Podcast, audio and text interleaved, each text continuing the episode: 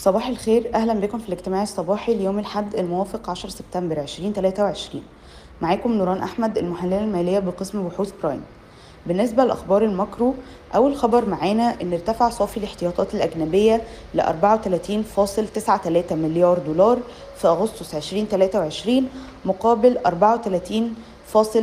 مليار دولار في يوليو 2023 تاني خبر إن مصر سددت 52 مليار دولار كفوائد ودفعات للديون الخارجية خلال العامين الماليين 22 و 23 بجانب استثمار 22 ل 23 مليار دولار في استثمارات قصيرة الأجل. تالت خبر إن مصر بتستهدف تمويلات بحوالي مليار ونص ل 2 مليار دولار قبل نهاية السنة وبتشمل التمويلات مليار دولار من خلال طرح سندات ساموراي وباندا قبل نهاية السنة.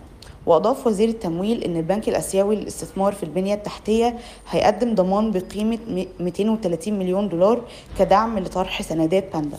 وآخر خبر ماكرو هو إن عجز الميزان التجاري تراجع ل 2.32 مليار دولار في يونيو 2023 بتراجع 47.7% على أساس سنوي مدفوع بتراجع الواردات ب 38% على أساس سنوي ل 5.23 مليار دولار وتراجع الصادرات ب 27.6% على أساس سنوي ل 2.91 مليار دولار. وبالنسبة لأخبار الشركات بحسب المصادر في مستثمرين محليين ودوليين مهتمين بشراء حصة في شركة سينا للمنجنيز ولكن مفيش أي عروض رسمية لسه. وفي نفس السياق الحكومة حاليا بتخطط لتطوير الشركة لاستغلال كل المناجم والمحاجر الخاصة بها شكرا لاستماعكم للاجتماع الصباحي صباح الخير.